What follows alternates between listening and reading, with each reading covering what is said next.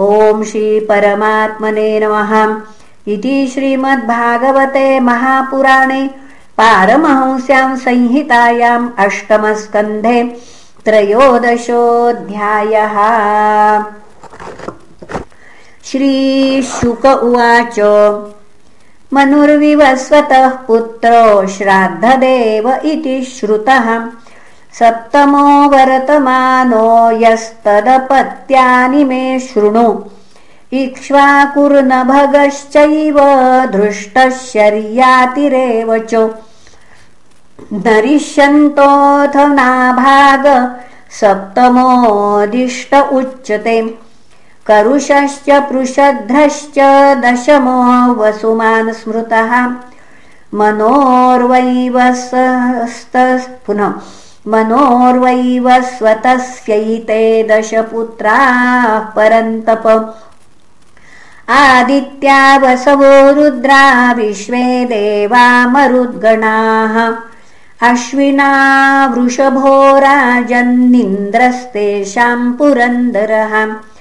कश्यपो त्रिवसिष्ठश्च विश्वामित्रोऽथ गौतमः जमदग्निर्भरद्वाज इति सप्तर्षय स्मृताः।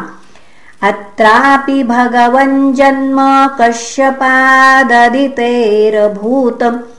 आदित्या नाम वजो विष्णुर्वामनरूपधृक्। सङ्क्षेपतो मयोक्तानि सप्तमन्वान्तराणि च। पुनः सङ्क्षेपतो मयोक्तानि सप्तमन्वान् पुनः सप्तमन्वन्तराणि ते। भविष्याण्यथा वक्ष्यामि विष्णो शक्त्यान्वितानि च। विवस्वतश्च द्वे जाये विश्वकर्मसुते उभे। संज्ञा च राजेन्द्र ये भ्रागभिहिते तव तृतीयां वडवामेके तासां संज्ञासुतास्त्रयः यमो यमी श्राद्धदेवच्छायायाश्च सुतान् शृणु। सावर्णिस्तपती कन्या भार्या संवरणस्य या।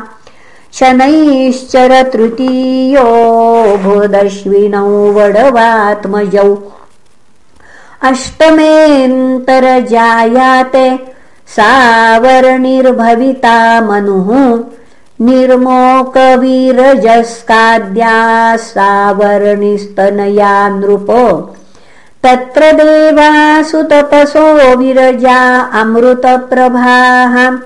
तेषाम् विरोचनसुतो बलिरिन्द्रो भविष्यति दत्त्वे माम् याचमानाय विष्णवे यः पदत्रयम्।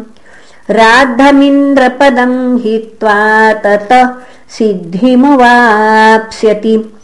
सोऽसौ पुनः योऽसौ भगवता बद्ध प्रीतेन सुतले पुनः निवेशितोऽधिके स्वर्गादधुनास्ते स्वराडिव गालवो दीप्तिमान् रामो द्रोणपुत्रः कृपस्तथा ऋष्यशृङ्गपितास्माकम् भगवान् बादरायणः।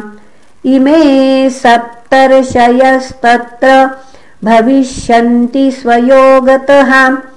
इदानीमासते राजन् स्वे स्व आश्रममण्डले देवगुह्यात् सरस्वत्याम् सार्वभौम इति प्रभुः।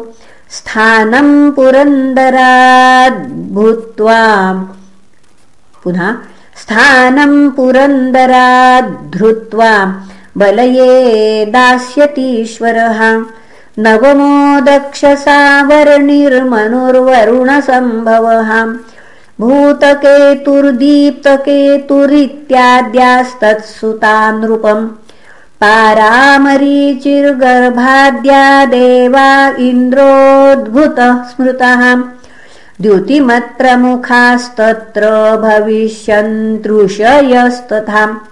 आयुष्मतोऽम्बुधारायामृषभो भगवत्कलाम् भविता येन संराद्धाम् त्रिलोकीम् भोक्ष्यते द्वुदः दशमो ब्रह्म सावर्णीरूप श्लोकसुतो महान्। तत्सुता भूरिषेणाद्या हविष्मत् प्रमुखा द्विजाः। हविष्मान् सुकृतिः सत्यो जयो मूर्तिस्तदा द्विजाः। सुवासनविरुद्धाद्या देवा शम्भुः सुरेश्वरः। विश्वक्सेनो विशुचान्तु शम्भो सख्यम् करिष्यति। जातस्वंशेन भगवान् गृहे विश्वसृजो विभुः।